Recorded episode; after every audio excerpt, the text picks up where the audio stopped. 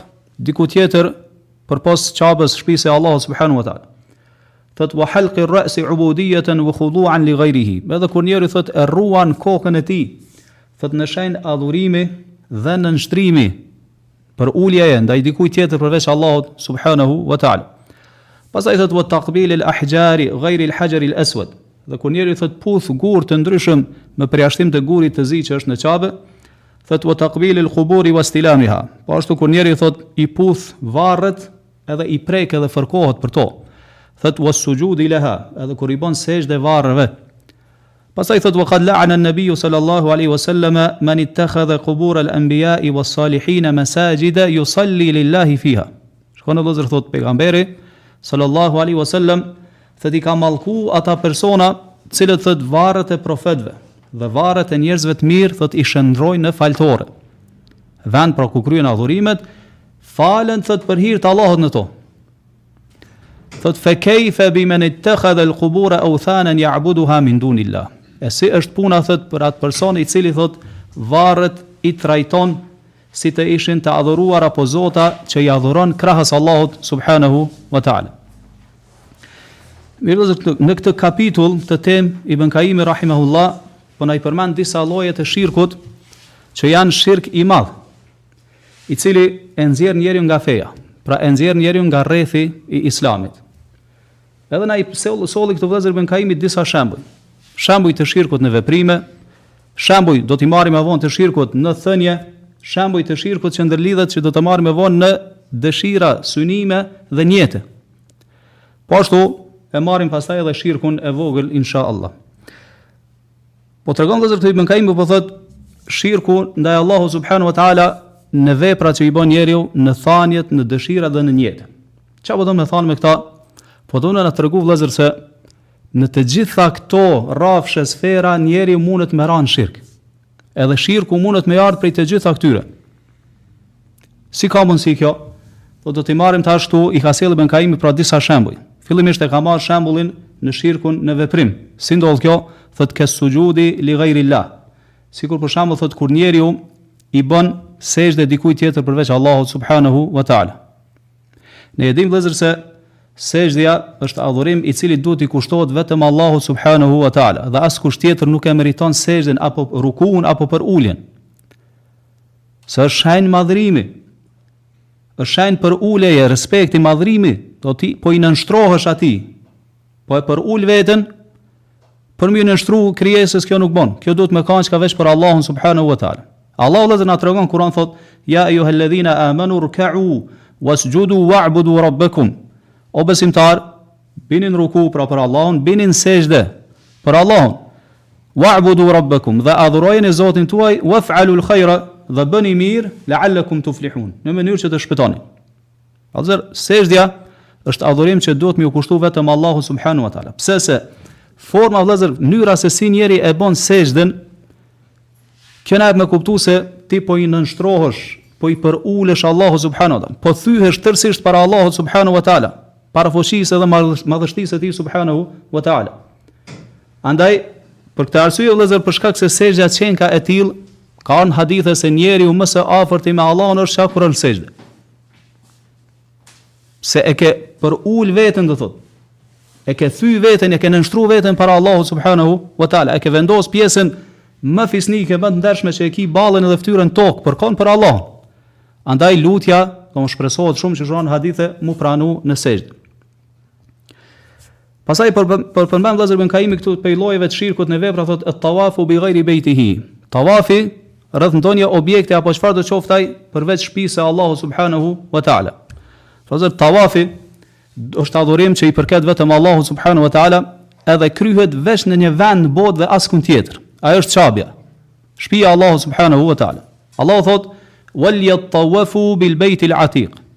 Pastaj thotë, Le të bëjnë tavaf rreth shtëpisë së lashtë.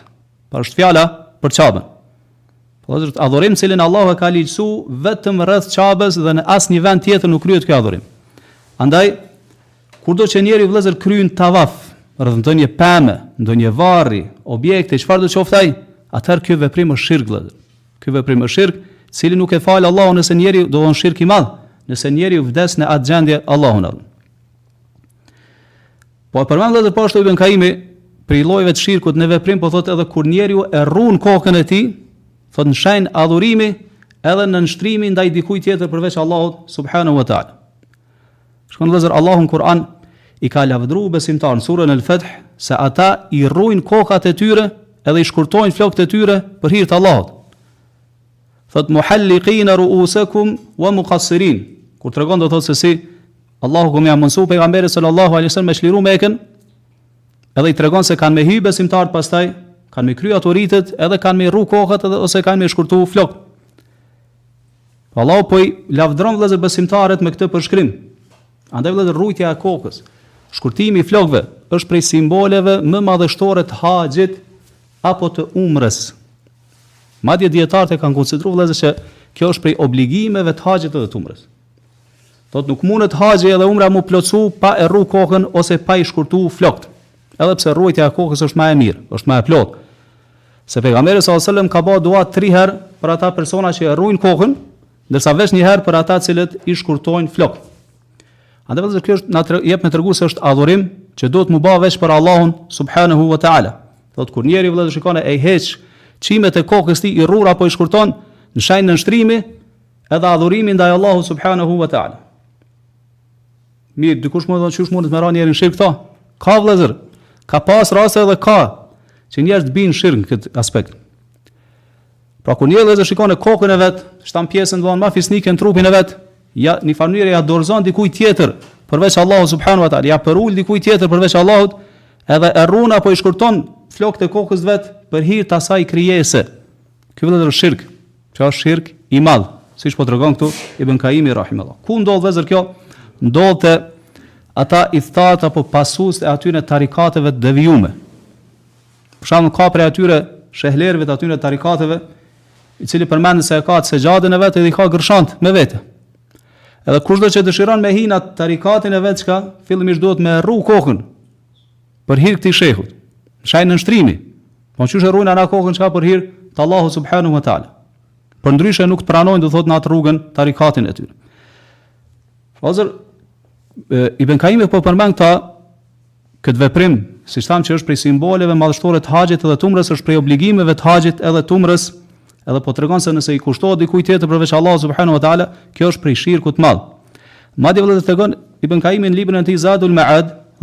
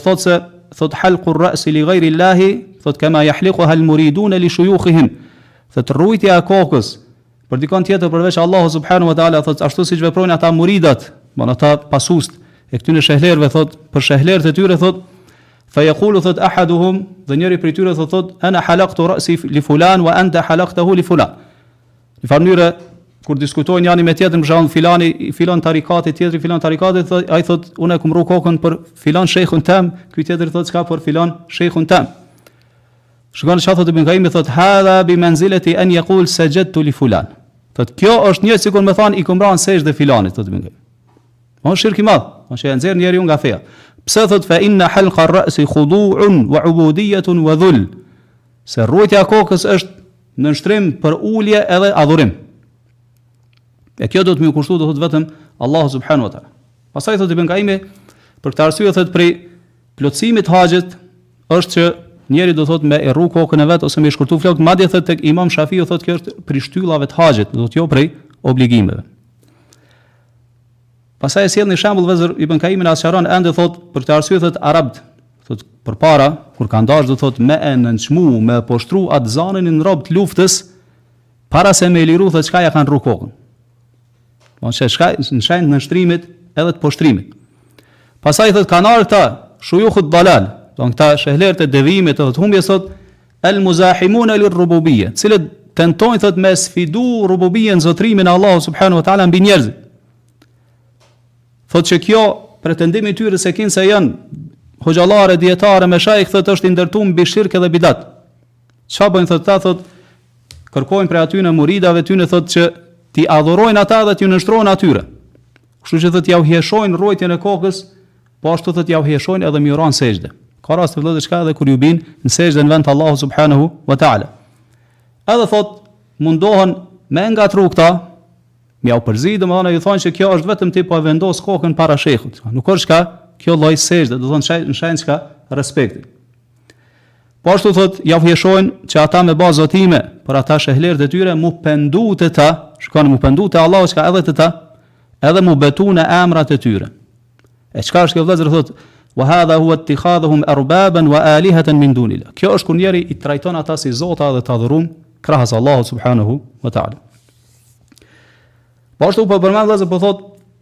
Prej llojeve të shirkut në vepër thotë wa taqbilul ahjar ghayr al hajar al aswad.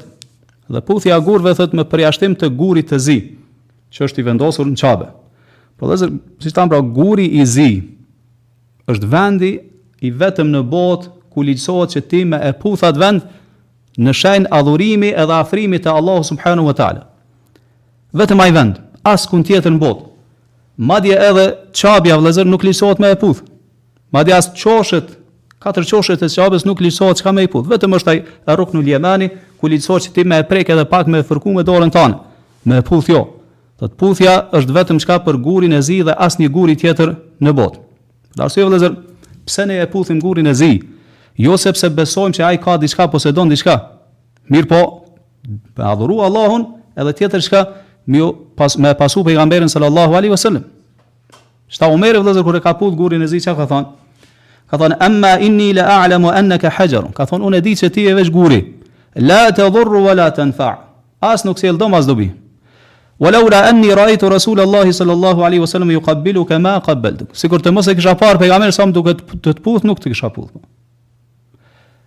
Vllazër, na e bëjmë këtë duke e pasu pra pejgamberin sallallahu alaihi wasallam, po ashtu e prekum atë vendin që quhet Ruknul Yemani, duke e pasu pejgamberin sallallahu alaihi wasallam. Hoxha i Islamit vllazër Ibn Tejmije, rahimahullah, thot, sa i përket thot fërkimit për varre, ku njeri fërkohet me trupin e tij nëpër varre, thot, çfarëdo qoftë ai varr, thot, po ashtu thot, puthja e varrit, apo thot, fërkimi i faqes për varrin, Thotë fe menhijun anhu bittifaq il muslimin, është diçka e ndaluar rreptësisht thotë sipas unanimitetit të muslimanëve, thotë walau kana zalika min qubur il anbiya, edhe nëse ai varr është prej varreve të profetëve. Thotë wa lam yaf'al hadha ahad min salaf il umma, thotë askush prej brezave të parë të islamit nuk e ka bën një gjë të tillë, bal hadha min ash-shirk, thotë. Përkundrazi kjo është shirk. Pa po shirk i cili e nxjerr njeriu nga feja islame. Pastaj thotë Ibn Kajimi vëllezër thotë wa taqbilul quburi wastilamuha wasujud laha hadha kulluhu min ash-shirk. Po ashtu thotë prej shirkut është po ashtu kur njeriu thotë i puth varret, i prek varret, fërkohet për varreve, thotë dhe i bën sexhde varreve. Qysh i prek varret, vëllezër qëllimi është pra e prek var, varrin edhe çka fërkohet, e fërkon dorën e tij çka për varrin. Apo e fërkon ndoshta trupin e tij tërësisht për atë dheun e varrit, apo faqen e tij siç e përmendi Ibën Tejmije e kështu me radhë. E ne e morëm vëllezër se veç dy vende janë të tilla, pra guri i zi që puthet edhe Ruknul Yemani i cili preket preket edhe pak fërkohet me dorë dhe asnjë vend tjetër në botë nuk ka përveç këtyre dy vendeve. Thotë Ibn Kajimi thotë, Wa qad la'ana an-Nabiyyu sallallahu alejhi wa sallam men ittakhadha qubur al-anbiya'i was-salihina masajid. Thotë pejgamberi sallallahu alejhi wa sallam, thotë i ka mallkuar ata persona të cilët varret e profetëve, edhe njerëzve të mirë thotë i shndrrojnë në faltore, në vend ku i kryejnë pra adhurimet, shkon e thotë yusalli lillahi fiha. Edhe pse ai falet për Allahun në atë vend po. Thot fe kejfe bi men ittekhadhe al kubure authanen ja'buduha min dunillah. E si është puna me ata njerëz që varret thot i kthejnë në idhuj që i adhurojnë në vend të Allahu subhanahu wa taala. Vllazër Pejgamberi sa i pas ka mallku këto pra, këta persona që varret i shndrrojnë faltore në xhami vend ku i kryjnë adhurimet. Mirëpo pse vëllazër i ka mallku këta persona? Është shumë e thjeshtë, sepse kjo vëllazër është çka rrugë që të çon drejt shirkut të madh. Gradualisht vëllezër e vren se personi nëse e vazhdon atë veprim ka me ra n'shirk. Fillimisht ja hijeshon shejtani, edhe i thotë se është më sevap çka me u fal aty. Namazin e ki çka më të plot. Ai jo nuk e adhuron fillimisht varrin, mirëpo çka gradualisht, gradualisht shkon kështu, edhe mas një kohë e vren se ka ra n'shirk. Fillon edhe me iu lut krahas Allahut me ba tavaf rreth varrit e kështu me radhë. Siç e dini si ka ra shirki në popullin e Nuhut, alejhi selam, po në mënyrë graduale, brez pas brezi. Saqë ka mundësi që ky person mas një kohe bjen shirk, apo bjen shirk familja e tij dhe pasardhësit e tij. Për shkak të injorancës po. Ata nuk e dinë se ky nuk i ka adhuruar. Pra vëllazër, kjo është për, siç e përmendëm tash, prej rrugëve edhe dyerve më të rrezikshme, prej ku shejtani i fut njerëzit në adhurim të dikujt tjetër përveç Allahut subhanehu ve teala.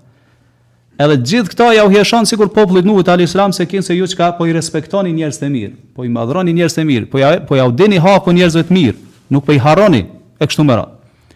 E pastaj edhe Ibn Kajimi këtu na i sjell disa hadithe që tregojnë për shëmtinë e kësaj vepre, thot ue fi sahihain, thot te Buhariu dhe Muslimi përcillet se pejgamberi sallallahu alaihi wasallam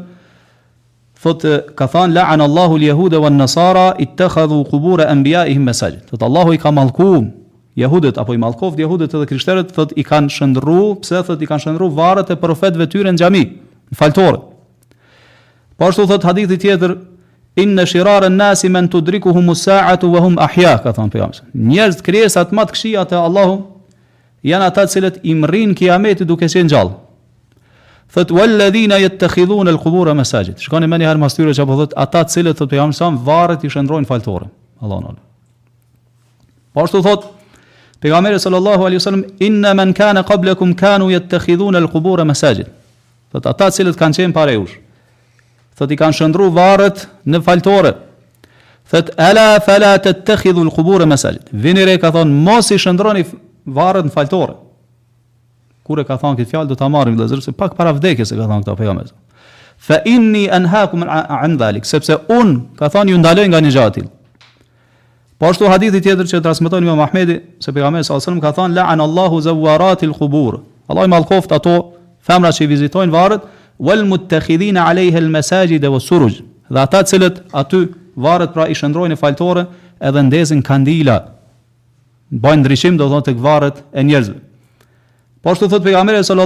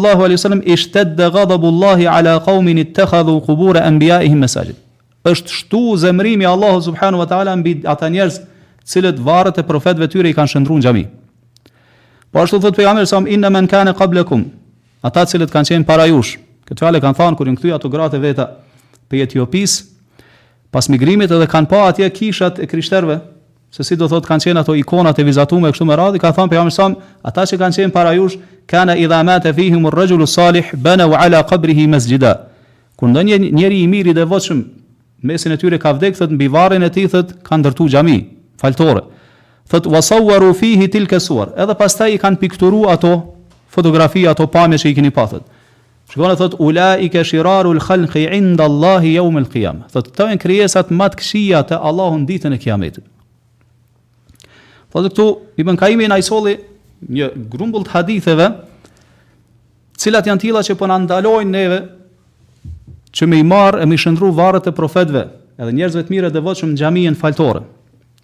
Çka po vrejmë vëllazër në këto hadithe? Po vrejmë se këto hadithe, këto hadithe pejgamberi sallallahu alaihi wasallam, po përmend se çka ata njerëz janë të mallkum prej Allahut subhanahu wa ta'ala. Çka është el-la'n? El-la'n vëllazër është kur Allahu të përzën nga mshira e tij edhe të largon nga mshira e tij. Pra është diçka shumë e rrezikshme, nuk është diçka e lehtë. Po kur Allahu e mallkon dikon, kjo ndodh për shkak një gjynahu shumë të madh që ai e ka ba me meritu mallkimin e Allahut subhanahu Allah subhanahu wa taala. Pastaj po tregon pejgamberi sallallahu alaihi wasallam se këta njerëz që i kanë bërë këto veprime janë krijesat më të këqija te Allahu. Po ashtu po tregon pejgamberi sallallahu alaihi wasallam këto hadithe se njerëz të tillë me këto veprime e kanë shtu e kanë rrit zemrimin e Allahut subhanahu wa taala. Po ashtu vetë pejgamberi sallallahu alajhi wasallam në fund çka po e konfirmon në mënyrë të prerë që unë ju ndaloj nga një gja e tillë.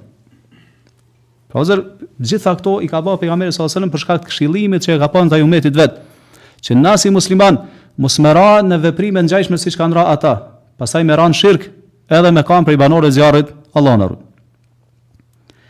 Pasi çështja është shumë e rrezikshme, e një gjë e tillë po paraqet rrezik të madh për fenë e njeriut, për këtë arsye pejgamberi sallallahu alejhi ve sellem për shkak të mëshirës së tij, këshillës së tij të mirë, thot i ka kushtuar vëmendje të madhe kësaj. Dhe ne e dimë vëllezër se si pejgamberi sallallahu alejhi ve sellem thot i ka kushtuar vëmendje të madhe teuhidit. Vazhdimisht ka urdhëruar teuhid edhe ka ndaluar nga shirki. Thot nëse e vren e lexon jetën e tij, tërë jeta e tij ka qenë e fokusuar në këtë aspekt.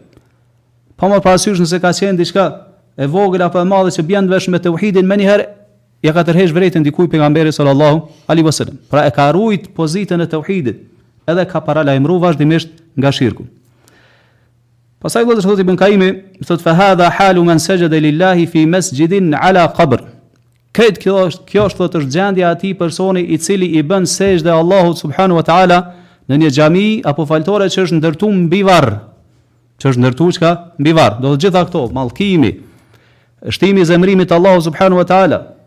Ka kanë për këtë person çka i cili e ka ndërtuar xhamin apo faltoren e tij mbi varr. Shikoni thotë Ibn Kajimi fe kayfe halu men sajada lil qabri nafsihi. E si është gjendja e atij personi që i bën sexhde varrit? Çfarë meriton ky person? Pa dyshim që do të thotë zemërimi i Allahut mbi të do të jetë më i madh. Ajo çfarë është e çuditshme vëllezër n'kët çështje është se disa njerëz edhe pse i dëgjojnë këto hadithe të qarta, drejt për drejta që i, i dëgjot, nuk i pranojnë si argument. edhe kjo është gjendja vëllezër e shumicës së atyre ithtarëve të kotës. Po i shohin para vetes argumentet të qarta drejt për drejta. Të shumta, të llojllojshme, mënyra të ndryshme të ndalesës edhe prap dikun e gjejnë ni veprim ose ni diçka që aty jau merr menja që ajo përbën argument edhe kapën për aty edhe i refuzojnë këta argumente të qarta edhe drejtpërdrejta. Mirë, me çfarë argumentojnë vëllezër këta njerëz që në njëfarë mënyre e lejojnë që xhamitë m'u, m'u ndërtu mbi varre apo varri m'u fut n'xhami? Ha, çfarë thonë? Me çka argumentojnë? Argumentin më të fortë që e kanë thonë se varri çka i pejgamberit sallallahu sallallahu alaihi wasallam është brenda çka xhamis. Shiko dmth. Sa e sa hadithe sakta n'Buhari edhe Muslim që i morëm, dmth i lajnë anash, shkojnë kapën çka për një veprimi që realisht ai nuk përbën kurfar argument. Edhe me argumentu me të është argumentim jo në vendin e duhur.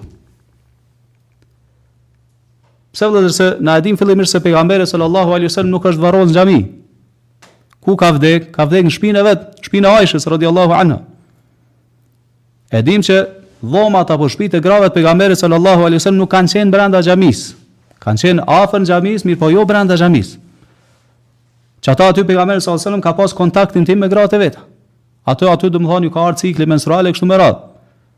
Kto nuk e kanë pas dispozitën çka të xhamisë. Për këtë arsye kur ka vdek pejgamberi sallallahu alajhi wasallam në shpinë e Aishës, edhe sahabit kanë filluar me diskutu pastaj ku me e varros pejgamberin.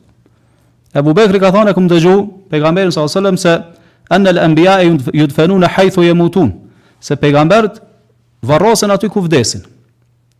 Edhe vetëm e kanë largu shtratin e tij dhe aty në dhomë do thotë çka e kanë hap varrin edhe e kanë varros pejgamberin sallallahu alajhi wasallam. Edhe kështu ka mbet vëllezër.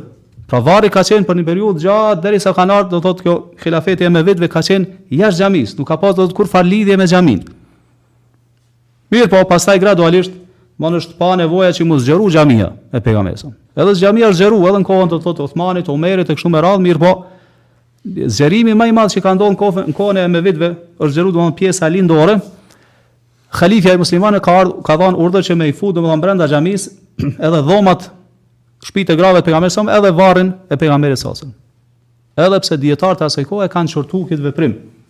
Po janë transmetime që kanë shkuë kanë këshilluar mirë, po nuk i ka dëgju. Kështu që nuk ka vëllazër kurrfarë argumenti këta, në të cilin këta njerëz kapen. Mirëpo, shkon edhe pse vëllazër e kanë fut varrin e pejgamberit sa në xhami, prapëseprapë e kanë rrethuar me mure të shumta.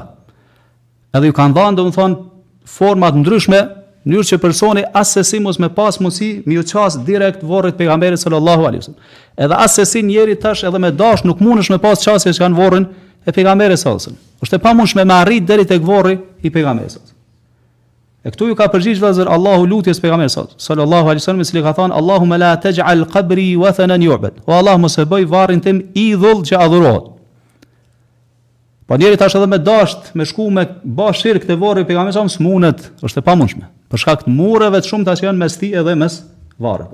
Është e pamundshme. Andaj vëllezër, këtë argument tash që e kanë përdorur realisht nuk përbën, do thotë argument. Mirëpo, siç thashë, kjo është traditë e pasuesve të kotës që kapen dikun për një ngjarje, edhe pastaj ata e përdorin si argument duke i braktisur këtu me dhjetëra e dhjetëra argumente të tjera të qarta e të drejtpërdrejta.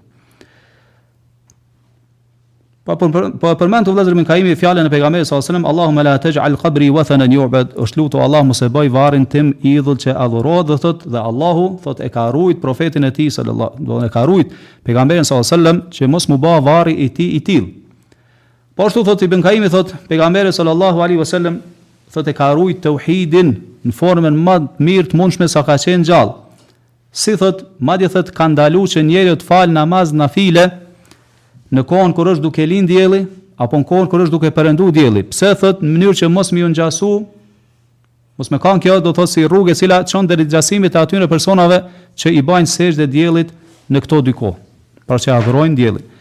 Madje thotë E ka ndalu edhe namazin mas ikindisë edhe masi që të lind dielli. Pse thotë se këto dy kohë thotë ndërlidhen me kohët të cilat i ka përmendi pejgamberi sa kur është e ndaluar pra me i ba njeri sexhde Allahut subhanahu wa taala gjatë kohë këto gjatë të cilave mushrikët paganët e adhurojnë çka diellin.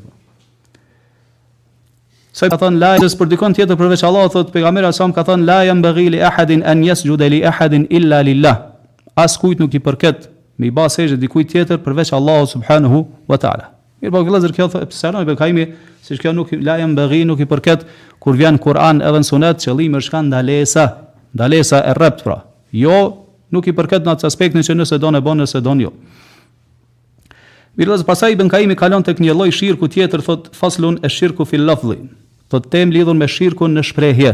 Pasi që e morëm në fillim se shirku qenka në veprime, po ashtu qenka edhe në shprehje, në fjalë që i thotë njeriu. Edhe kjo thotë kel halifi bi ghairihi, kjo është sikur njeriu thotë kur betohet në dikon tjetër përveç Allahut subhanahu wa taala. E thot pejgamberi sallallahu alaihi wasallam ka thënë men halafa bi ghairi llahi faqad ashrak. Kush që betohet në dikon tjetër përveç Allahut subhanahu wa taala ka ba shirk. Thot Ibn Kaimi, thot edhe këtu thot hyn çka hyn fjalët kur krijesa i thot thot krijesës ma sha Allahu wa shit. Çfarë do Allahu dhe ti apo çfarë deshi Allahu dhe ti.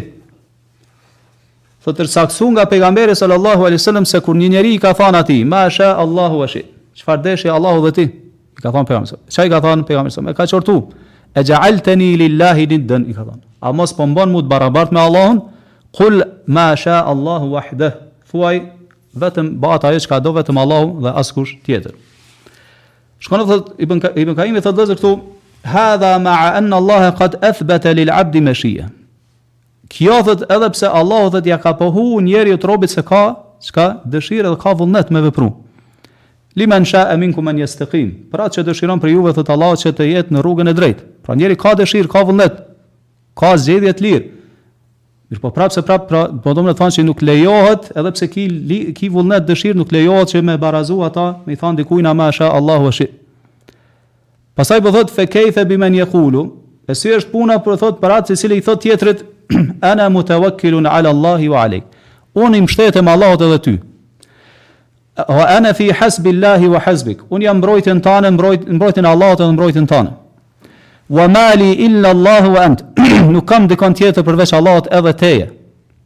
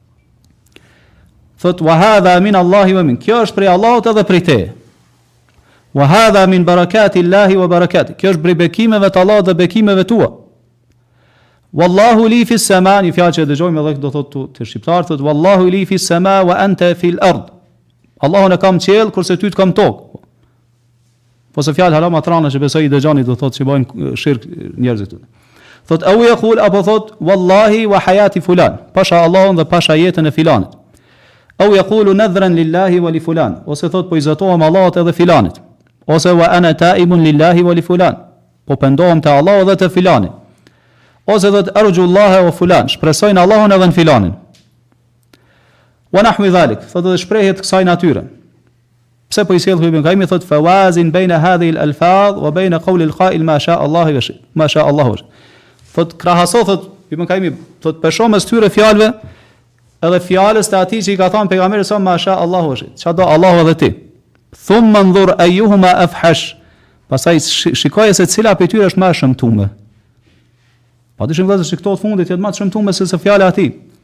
Thot qartëso aty thot se personi i cili thot vllezër këto fjalë e meriton më shumë qortimin edhe fjalën e pejgamberit sallallahu alaihi wasallam se sa ai që ja ka thënë atë fjalë pejgamberit sallallahu alaihi wasallam. Dhe se ky person i cili i thotë këto fjalë, që i morëm deri me tani që i dëgju thotë i ka trajtu ato krijesa si të barabart me Allahun subhanu wa ta'ala. Ndërsa personi thot, i cili i ka thonë pejgamberit sallam ma sha Allahu wa shi't, do të një far mënyre e ka barazu, mirëpo e ka barazu çka një prej krijesave të ma të mira, po thot, Ibn Kajimi mirëpo këta persona thot, e kanë ba të barabart me Allahun at krijesë i cili Nuk mundet mu krahasu mu barazu me pejgamberin sallallahu alaihi wasallam në asnjë çka asnjë aspekt. Madje thot, ka mundësi që ai person është armik i pejgamberit sallallahu alaihi wasallam. Edhe i kanë megjitha, thot i kanë ba t'barabart me Zotin e botëve, i kanë trajtu si të barabart me Allahun subhanahu wa taala. Pasi këtu Ibn Kajimi n' këtë temë, Po i përmend gjëra që ndërlidhen me shirkun në shprehje. Shirkun në shprehje. Vëllazër, kjo është një shirk në cilin bin shumë masa e thjeshtë e njerëzve, masa e gjerë e muslimanëve për shkak të injorancës së tyre. Andaj vazhdimisht vëllazër duhet çka me jau sqaru një gja të tillë rrezikun e saj edhe se është shirk ndaj Allahu subhanahu wa taala. Ka raste vëllezër kur ti e këshillon dikon, për shembull e ndin duke u betuar në dikon tjetër përveç Allahut subhanahu wa taala, ose thot kësi fjalë, Allahu unë jo, ti dy, për shembull thot Allahu në qiell, ti dy, ti në tokë. Kur e këshillon ça t'thot, çysh arsyeton thot unë s'e kum pas me zemër këto, nuk e kum pas me qëllim. Mirëpo po, e kam kështu veç si shprehje. Si i përgjigjemi këtij personi? I themi feja islame, nuk ka ardhur vetëm çka me përmirësu, do me thonë çka nijetet, mirëpo ka ardhë po ashtu me i përmirësu që ka edhe shprejhet, me t'i korrigju. Do të edhe nijeti, edhe shprehja duhet me kanë e saktë, duhet me kanë korrekte. Se Allahu në Kur'an thot, ja ejjuhelledhina amanu ttekullaha wa kulu kaulen sedida. O besimtar, keni frikë Allahun dhe thoni fjalë të mira, fjalë të drejta, korrekte dmth. Kështu që ti duhet me thonë, me ha vetit këtë derë, me fol fjalë të këqija, fjalë të kufrit e fjalë shirkut, pastaj me thonë, jo, se s'e kum pas çka, për qëllim, kjo nuk vlenë, vlezër, kjo nuk vlenë. Shikoni vëllezër, njeriu kur e thotë këtë fjalë pra të shirkut, ki mu marr, do të me tregu se ki mu marr llogari para Allahut subhanahu wa taala. Madje edhe nëse njeriu vëllezër e ka këta veç si besim në zemrën e tij dhe nuk e shpreh me gjuhë, prapë se prapë çështja është ka shumë e rrezikshme. Është shumë e rrezikshme sepse ai beson që ajo krijesë është e barabart me Allahun subhanahu wa taala. Edhe nëse nuk e qet, do të thotë gjuhën e tij, shprehjen e tij të folurit e tij. Po përmend këtu vëllezër Ibn Kaimi po thotë kel halifi bi ghairi Allah, sikur kur njeri betohet n'dikon tjetër përveç Allahut, e vrejm do betime t'ndryshme pasha Qabën ose përmend ai një, një betohet në një prej profetëve apo njerëzve të mirë, ose këtu te na është e përhapur shumë pasha babën, pasha nanën, pasha kryt e babës, pasha kryt e nanës, pasha fëmit, po, pasha bukën, dikush betohet po, nimetet po. Gjitha këto vëllezër janë shirk.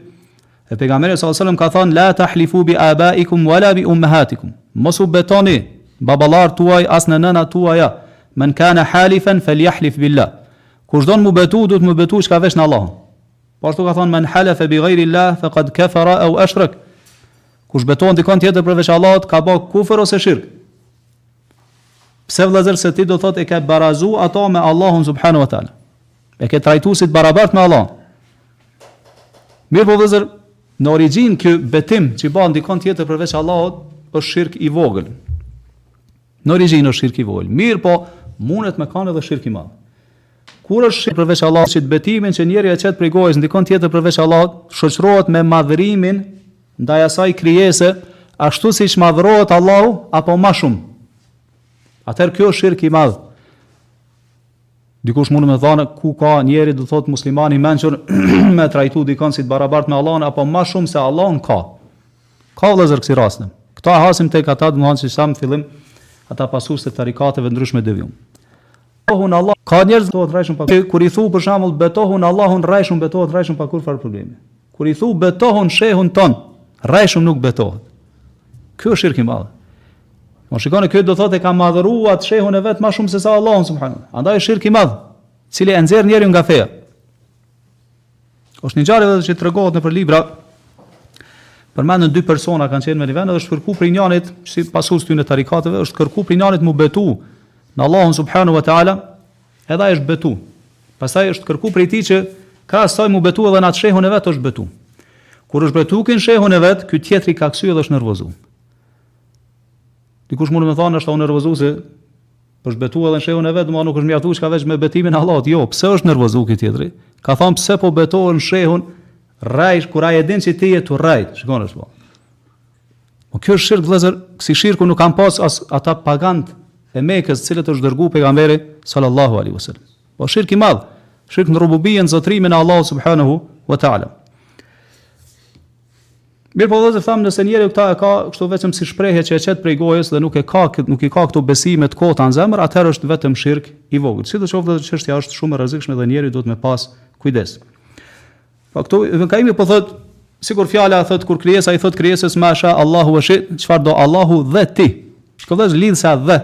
Në gjuhën arabe i thonë është tufidu mutlaqat taswiya. Do thotë i jepet barazimi prej gjitha aspekteve. Andaj vëllezër, për këtë arsye është shumë e rrezikshme. Se ti e ke bërë barabart dëshirën e Allahut me dëshirën e krijesës. Si është e saktë me thënë vëllezër? Si është e saktë është me thënë ma sha Allahu thumma shi'ta. Çka don Allahu çka pastaj ti. Që kjo pastaj do me thënë jep kuptimin e një rangu çka më t'ult. Që ndodh pastaj është e varur te dëshira e Allahut pastaj ti apo dëshira jote. Njëherë Allahu pastaj çka ti.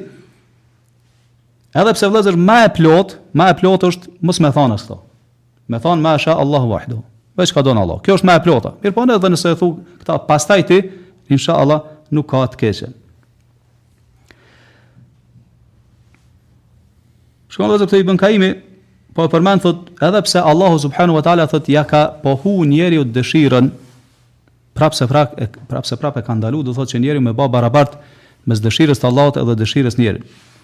Andaj thotë si është puna me ata do thotë që bajnë veprime të cilat realisht çka njeriu krijesa nuk ka kurfar hise në to. Çdo gjë i përket çka veç Allahu subhanahu wa taala. Siç është mbështetja, tevekuli. Kur i thotë dikush tjetër dikujt na tevekkeltu ala Allahi wa alejk.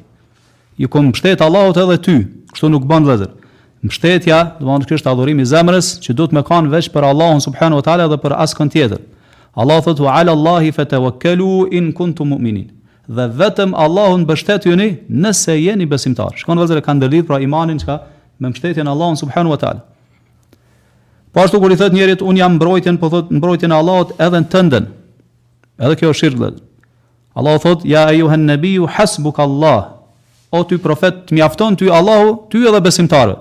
Allah është ai El Hasib, domethënë, i cili mjafton krijesave. El Kafi, kurkush tjetër përveç tij. Po ashtu fjalë tjera vëllezër që i morëm, që mos t'i përsëritim këto, gjitha këto vëllezër janë prej shirkut i cili do me thonë ndodh në të shprehurit, madje ka mundësi që Këta shembuj që i sjell Ibën Kaimi këtu në libër, Allahu mëshiroftë, ka mundësi që na i dëgjojmë, siç thamë, ngjajshëm me këta, prej njerëzve që janë injorantë, madje ndoshta edhe më të shëmtuar se këta, gjatë bisedave edhe ndejave të ndryshme, andaj vëllezër duhet mi këshillu njerëzit, edhe m'i sqaru që kjo nuk është punë e lehtë, siç mendojnë që ai po e thotë diçka veç me gjuhën e tij. Ibn Kaimi vëllezër thot pastaj fes sujudu, sexhdja thot, adhurimi, ibadeti, mbështetja thot, kthimi me pendim te Allahu subhanahu wa taala, frika prej Allahu subhanahu wa taala, përulja, frika që përmban përulje, mbrojt të mbështetja në Allahun thot, pendimi, zotimi, betimi, fjala subhanallah, Allahu akbar thot, la ilaha illa Allah, elhamdulillah, astaghfirullah.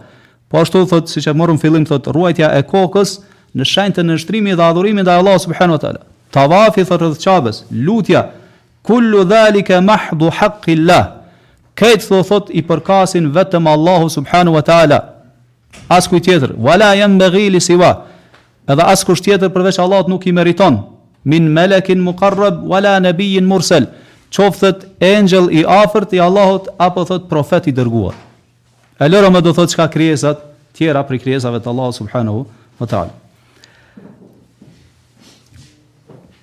Edhe pastaj këtu Ibn Kaimi rahimahullah e sjell një lloj tjetër shirku thot faslun e shirku fil iradati wan niyat shirku në dëshira dhe në niyete e kemi marrë një pjesë kësaj në dersin e kalum rreth syfaqësisë edhe dëshirës për famë, edhe kjo ndërlidhet me atë. Mirëpo shikoni vëllezër këtu Ibn Kaimi thotë Thot wa amma shirku fil iradati wan niyat sa i përket shirkut thot në dëshira dhe në niyetet fa zalika al bahru alladhi la sahila la. Ky është thot deti pa brigje. Ky është deti pa brigje. Thot wa qalla man yanju minhu. Pak jan ata që shpëtojnë prej tij. Pakt. Thot, prandaj thot personi thot i cili me veprat e tij nuk e ka për synim fytyrën e Allahut subhanahu wa taala dhe me veprat e tij thot synon diçka të bën njet diçka tjetër përveç se afrimit te Allahu subhanahu wa taala edhe kërkimit të shpërblimit të tij thot faqad ashraka fi niyyatihi wa iradatih ka ba shirk në njetin e tij dhe në dëshirën e tij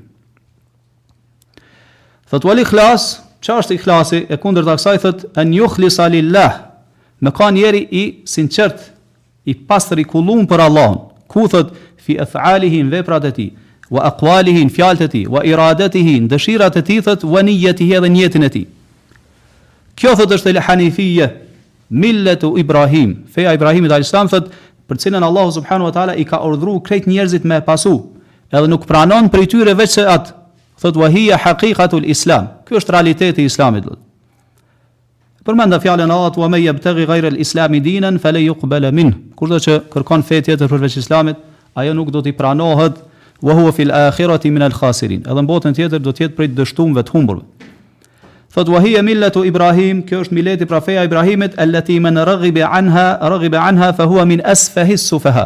Që kushdo që ia kthen shpinën është njeriu ma mendjelehtë. Ma kokëtrash, që nuk kupton. Thotë këtu Ibn Kajimi po përmend se Çashtja e shirkut në dëshira dhe njete është deti pa brigje. Çka po do me thanë me këta? Po do me thanë se është shumë diçka e gjerë, që edhe shumë pak janë ata njerëz që shpëtojnë prej saj, edhe nuk kufizohet vetëm tek një adhurim te tjera jo mirëpo hyn te gjitha adhurimet. Edhe mundohet me t'i prish gjitha adhurimet. Qoftë do thotë vëllezër në për shembull namaz, në haxh, në umre, në lexim të Kur'anit, kërkim dijes, në dhikër, sadak, gjitha këto futet kjo vëllezër. Se në gjitha këto njeriu duhet patjetër me pas çka? Njet, dhe me pas dëshirë, me pas për synim. Andaj këtu menjëherë çka? Shejtani mundohet vëllezër me ta cenu këta, me ta dëmtu këta, në mënyrë që me ta humb shpërblimin te Allahu subhanahu wa taala. Për këtë arsye vëllezër, e kemi hadithin ku pejgamberi sallallahu alajhi wasallam thotë innamal a'malu binniyat. Veprat shpërblehen apo janë në bazë të nijeteve, qëllimeve që i ka njeriu. Çka kanë thënë dijetarët për këtë hadith? Kanë thënë, në këtë hadith futet çdo temë apo me thanë çdo sferë, çdo prej sferave të dijes. Dijes fetare. Për shembull, dija rreth namazit, rreth pastërtisë, rreth zakatit. Gjitha këto futet kjo ky hadith, se gjitha këto kanë nevojë çka për njet. Gjitha kanë nevojë për njet. Andaj nëse nuk e ke njetin e pastër vëllazër, padyshim që kanë me t'u dëmtu këto. E çka përfitojmë ne vëllezër ne prej kësaj që po përmend këtu Ibn Kajimi? Po tregon vëllezër se përfitojmë ne atë aspektin që njeriu duhet patjetër me e luftu veten e tij. Edhe mu mundu me e pastru veten e vet nga këto njolla që i shfaqen njetit e tij vazhdimisht. Se na vazhdimisht vëllezër jemi të sulmum. Sa herë që njeriu mundohet me marrë një veprim, don vjen një njet domthon tjetër i cili mundohet me ta prish. Që me pas dikush pjesërisht me Allahun edhe ai hise në atë njetin ton. Allah thot ana aghna shurakai ani shirk. Un jam më i vetëmjaftueshmi i cili nuk ka nevojë për ortak. Man amila amalan ashraka ma'i fihi ghayri, kushdo që bën një punë, edhe në atë punë, atë punë e bën pjesërisht për mua, pjesërisht për dikon tjetër, taraktuhu wa shirkah thotë. E braktisë atë edhe shirkun e tij. Ose ka në disa transmetime tjera, krejt ajo punë i takon atij që ma ka vesh si ortak të Allahut subhanahu. Allahu nuk ta pranon, se nuk është e pastër, nuk është e kullume vëllezër çka vesh për Allahun subhanahu wa taala. Sa vëllezër çështja e nijetit ka qenë prej çështjeve që i kanë mundu, i kanë lënë pa gjumë brezat e parë të Islamit. Sa që ka pas prej tyre që kanë thënë sa që po du do thot me e pastru do me thënë nijetin tem po më shfaqet çka me një formë tjetër. Po më sulmon çka prej një anë tjetër, po më paraqitet po më bjen n'zemër me një formë tjetër po. Pejgamberi sallallahu alajhi wasallam kemi marrë n'dersin e kalum ju ka drejtu sahabeve, ka thënë ajo çka frikohna për juve, shikoni sahabeve ju ka thënë më shumë se sa dexhalli është ky shirku i vogël. Edhe ka tregu se sa i msheftë është, ka thënë akhfa, ka thënë la shirku fikum akhfa min dabibi naml. Ka thënë shirku në umetin tim është më i msheftë se sa ecja e bubrrecit milingonës. Nuk ka thënë sikur ecja, mirëpo më i msheftë. Po me kanë ti ulun tash me të kalu një bubrrec nuk e heton. Po kështu mundet shirku po don me tregu më sa me me depërtu te ti pa e vrejtë hiç. Nuk e vren. E sahabët kur e kanë ni këtë hadith janë tut shumë Edhe kanë pyet pejgamberin sa çysh me pështu, ka thënë mu lut Allahun. Allahumma inni a'udhu bika an ushrika bika wa ana a'lam. O Allah, më mbroj që unë mos me të bëj ty shirk duke e ditë. Wa astaghfiruka lima la a'lam. Edhe më fal nëse të bëj shirk çka pa e ditë. Në vazhdimisht vëllezër me e thon këtë lutje mirëpo edhe me i marr shkaqet kuptohet se njeri me pastru zemrën e tij.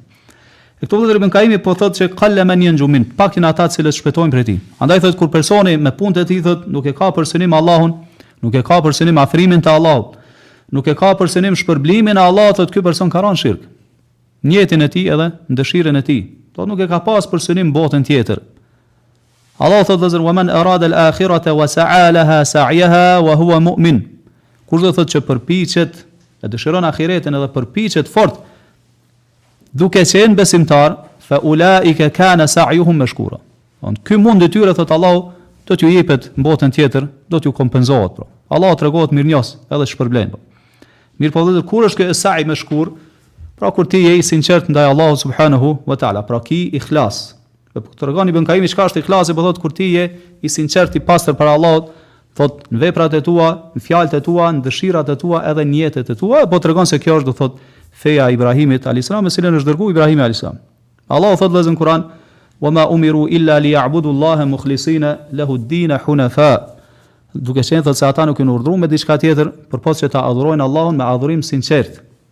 Duke qenë besim drejt pra në tauhid. Po ashtu thot Allahu ela lillahi dinul khalis, vini re thot Allahut i përket adhurimi i sinqert. Vëllezër, po ashtu siç kemi thënë dhon që Allahu nuk e pranon uan hadithe për shembull namazin çka pa abdes. Po ashtu Allahu subhanahu wa taala nuk i pranon adhurimet tona pa tauhid dhe pa ihlas.